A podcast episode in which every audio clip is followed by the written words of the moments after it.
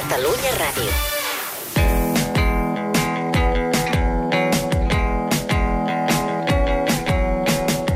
Passa un minut i mig d'un quart de nou del matí. A aquesta hora comencem la nostra taula de premsa amb Carlos Balaibar, bon dia. Bon dia. Laura Marín, bon dia. Bon dia. Marta Cristià, bon dia. Hola. Mireia Jar, bon dia. Bon dia. Laia Claret, bon dia. Bon dia.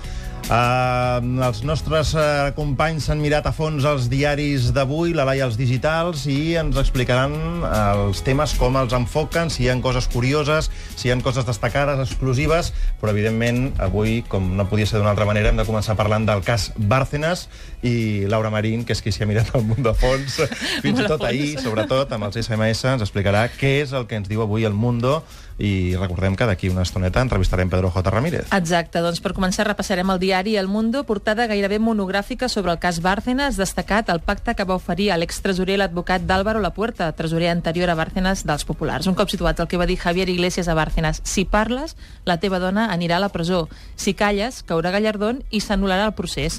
Per què surt Gallardón? En la seva carta d'ahir, Pedro J. Ramírez ja llançava aquest nom. Avui el que explica en El Mundo és la promesa que es fa a Bárcenas. Si no es tires de la manta, Gallardón serà destituït a l'últim Consell abans de vacances i el teu tema s'arxivarà a l'Audiència Nacional el mes de setembre per nulitat. En aquest plantejament, fer desaparèixer Gallardón, coincideixen Iglesias i Miguel Durán, l'advocat de Pablo Crespo, número 2 de tot el conglomerat empresarial de Francisco Correa. Miguel Durán va passar per la presó dilluns i dijous i va ser explícit a l'hora d'identificar la persona que l'enviava. Vinc de part de Rajoy, explica en el Mundo, i va prometre a Bárcenas, amb qui manté una bona relació, un bon tracte penal, la nulitat i també el relleu de Gallardón.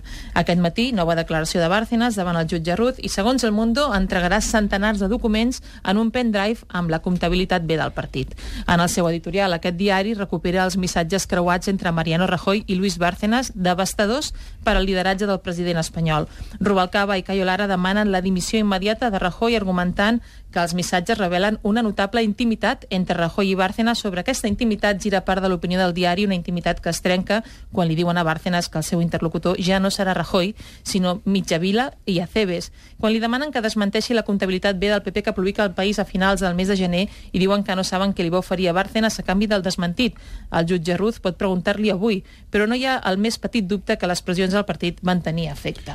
Per tant, hem, hem de deduir de tot plegat que si, segons el que diu el Mundo, Bárcenas està decidit a estirar de la manta i no va de farol, que és el que esperaven el PP que Exacte. La majoria de diaris són, van a remolc del Mundo, dels seus SMS... També diaris digitals, eh, van a remolc. digitals, tothom va a expenses del que vagi traient el Mundo cada dia.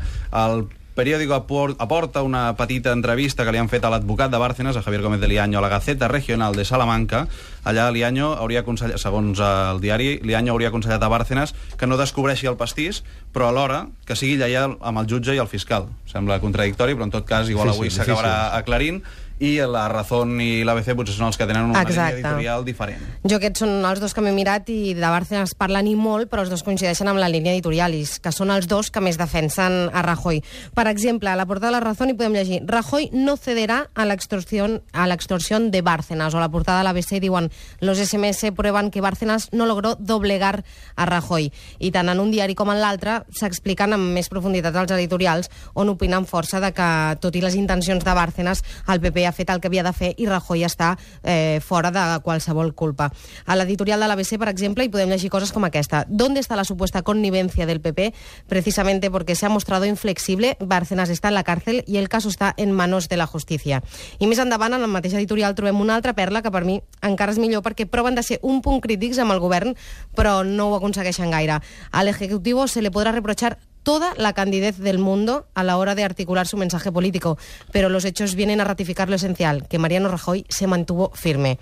Així que ja us podeu imaginar com, com van aquests dos diaris sobre el tema.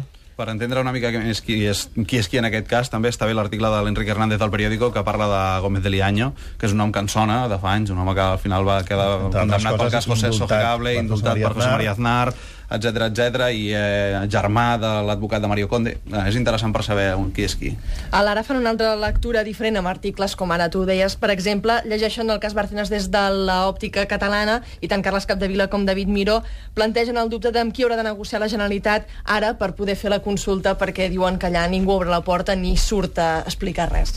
Li preguntarem a la presidenta del Parlament, Núria de Gispert, que d'aquí uns 10 minuts aproximadament la tindrem asseguda aquí en aquest estudi, si aquest cas pot eh, eh, afectar a tot el tema de la negociació, com deies, Mireia, eh, que enfoquen a l'ara, de tot la, el tema de la transició nacional, si això va ajudarà o no ajudarà. És diferent l'opinió del, de l'editorial del País que insisteix a reclamar les explicacions al Congrés sobre el cas Bárcenas i aquest diari, per exemple, diu en alarma total davant la declaració de Bárcenas la Moncloa admet els missatges però diu que proven que Rajoy no va cedir. És una mica també la línia de les editorials d'altres diaris de Madrid. En aquest eh, diari, El País, hi ha qui compara els SMS amb converses telefòniques que ja en són familiars, d'altres èpoques no gaire llunyanes. Un diputat al qual no posen nom compara aquests SMS publicats ahir al diari El Mundo amb aquelles paraules de Camps al Bigotes que li deia amiguito del alma.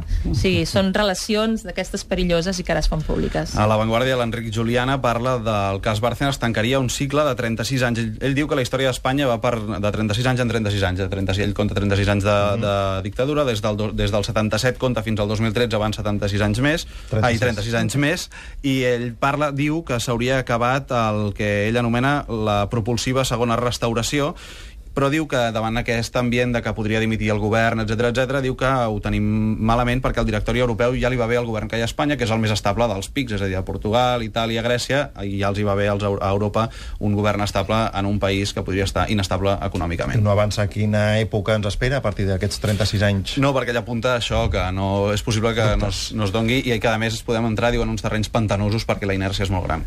Qui també està en un terreny pantanós és el PSC, que és l'altre tema destacat eh, del dia. Eh, en quin diari voleu destacar alguna informació? Doncs el periòdico destaca que les bases estan amb Pere Navarro, avalant la proposta federal del PSOE i aquest comitè d'enllaç, en el que ha quedat finalment el que havia de ser aquell protocol de relació, tot i que inclouen totes les particularitats que tenien els socialistes... No inclouen les particularitats que volien els socialistes catalans en aquest acord de, de relació PSOE-PSC.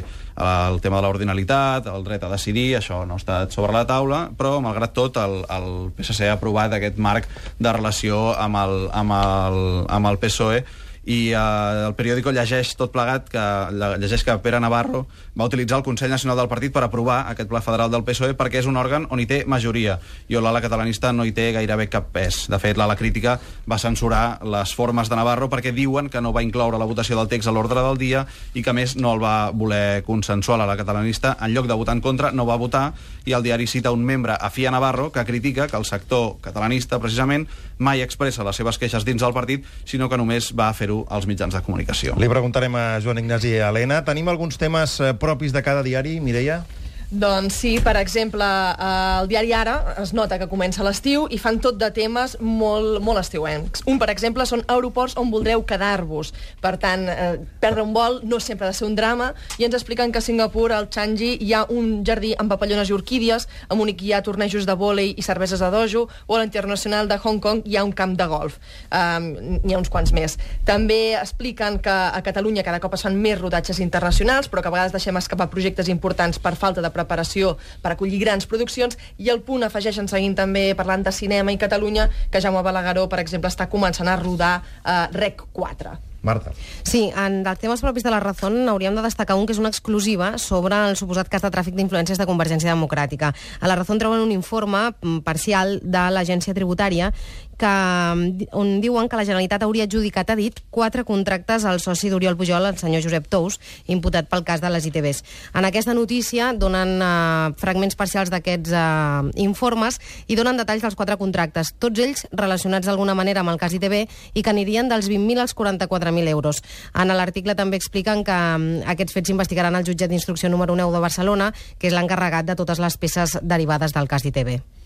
Laura? Doncs jo passaré la plana i farem una cosa més frívola perquè el país... Els aeroports tampoc eren molt seriosos, No, eh? no, però ja veureu. Jo sobre Catalunya en tinc uns quants també de frívols, eh, de la BC i la Razón, perquè...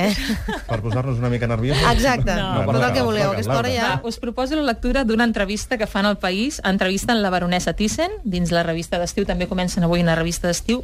Diu que a la seva època això de ser Miss Espanya era molt seriós. I diu, fins i tot, Franco em va felicitar. Carai. És, eh, com Quina dèiem, gran una entrevista així frívola. Ella ens explica que el que més li agrada del món és dedicar-se al seu jardí i les seves roses i que els anys molesten a tothom. Diu que, com a tot és ésser humà, no m'agrada créixer, diu ella, ho diu parlant de l'edat, diu que s'estima més veure-ho tot de color de rosa i alerta amb el mirall. S'estima més que les habitacions estiguin fosquetes i així no s'acaba de veure tot, tot, tot tal com és realment. Al periòdico tenen un tema del dia seu que va sobre els comerços amb solera, diuen ells de Barcelona, que perillen per la pujada dels lloguers, aquestes rendes antigues que s'acaben, que s'acabaran al, al desembre del 2014, però que ja estan fent fora molta gent, o molta gent que ja no pot renovar el contracte o que no pot fer front a lloguers més alts, i diu que, per exemple, estan en perill llocs tan emblemàtics de Barcelona com la pastisseria La Colmena, que és a la plaça de l'Àngel, allà a Jaume I, o la Granja Viader, on va néixer el cacaulat, o el Colmado Quílez, a Rambla Catalunya, a Maragó, que no s'han adaptat a, aquesta, a aquests canvis a les rendes i ho haurien de fer de cop i potser no poden fer-hi front. També ens volem fixar en els temes propis que ofereixen alguns dels diaris digitals, Laia. Pràcticament tots obren amb temes propis. Ens fixem en el Nació Digital. Eh, obren l'edició amb un article que parlen de l'agressivitat dialèctica que hi ha al Parlament per atacar el sobiranisme. Ho expliquen, diu que s'utilitzen termes com ara totalitarisme, divisió, puresa, ruptura, nazisme, franquisme... Diuen que és hostil, que grinyola amb els defensors del dret a decidir i fins i tot han parlat amb un dels funcionaris més veterans de la cambra i assegura que mai havia viscut una cosa semblant. A VilaWeb pengen el vídeo i transcriuen el comiat del meteoròleg de Canal 9, Jordi Payà, l'han fet fora en l'Ero, que ha afectat 1.200 persones, i va dir que espera que la justícia posi cadascú al seu lloc i que a poc a poc tot es vagi clarificant. I acabem amb un diari estatal, el diario.es, que explica per què les ONGs estan més desconnectades d'aquestes mobilitzacions socials que hi ha tant als carrers. Diu que depenen econòmicament d'institucions, que estan enganxades a subvencions, que se centren molt en l'economia i expliquen que les bases de les ONGs estan una mica decebudes o fins i tot frustrades i que estan buscant la manera de tornar-se a acostar a la gent. Acabarem connectant també amb les nostres delegacions per saber quins són els temes de portada dels diaris d'aquestes demarcacions. A Lleida, per exemple, el Segre i la Mañana destaquen els treballs d'ahir a la capital del Segrià per recuperar la normalitat després eh, de l'aiguat. Rafael Ventura. Bon dia amb titulars com el dia després o Lleida repara els danys de l'aiguat i n'esquiva un altre. Diuen, per exemple, que la ciutat torna a la normalitat després de la virulenta tempesta de dissabte. El barri de la Porteta de Lleida, per exemple, va registrar 77 litres d'aigua per metre quadrat en només dues hores. A les fotografies de portada hi veiem veïns trient aigua de pàrquings i de botigues. Que en aquests diaris de Lleida que l'ingrés a presó del detingut per haver apunyalat un mosso divendres. Va passar mentre el reprenia per causa de, per causar molèsties als veïns. El jove ja havia estat detingut 10 vegades, 5 d'elles per agressió a l'autoritat. Fèlix Martín, a Girona, el punt avui destaca que DIF culpa els ajuntaments de Figueres i de Vilafant de la falta de senyalització per arribar a l'estació de l'alta velocitat. Així és, l'estació funciona des de fa dos anys i mig, però hi ha molt pocs senyals de trànsit que indiquin com arribar-hi. El punt també destaca avui que el Consorci que gestiona les muntanyes de les Gavarres, això és entre el Gironès i l'Empordà, diu que les infraestructures antiincendis poden quedar en perill per la falta de manteniment a causa de les retallades. Al límit de l'abisme, diu el president d'aquesta entitat. I una nova mort fa pujar fins a 5 el nombre de persones mortes en zones de bany en un sol mes. Això ho titula la portada del diari de Girona, també ho recull el punt, i és que ahir va morir una dona francesa a la platja de la Fosca de Palamós. La foto del dia del diari de Girona, la pàgina 2, és per la intensa pedregada que va caure ahir diumenge en bona part de la comarca de la Garrotxa. I acabem a Tarragona, Manel Sastre, bon dia. Hola, bon dia. El deute de la Generalitat amb la Universitat Rovira i Virgili obre el diari de Tarragona. Sí, el titular és que la Generalitat deu 19,8 milions d'euros a la Rovira i Virgili. Explica el rector en aquest mateix diari que el model de finançament és crític i no pot anar a pitjor. Diuen que el pla d'austeritat obligarà a tancar de nou tots els edificis entre el 5 i el 25 d'agost. I al mateix diari veiem també fotografies i la crònica d'una manifestació antiborbònica a la capital tarragonina. Sí, en concret contra l'ocupació borbònica després de la Guerra de Successió, que quedi clar. La crònica, que s'encapçala amb el titular Els Borbons, els taurons, parla dels prop de 300 manifestants que ahir, amb moltes estelades, es van passejar pel centre de Tarragona. Doncs gràcies a les nostres delegacions i als companys que tenim a la taula. Demà ens tornem a veure en aquesta taula de premsa. Molt bé, fins demà.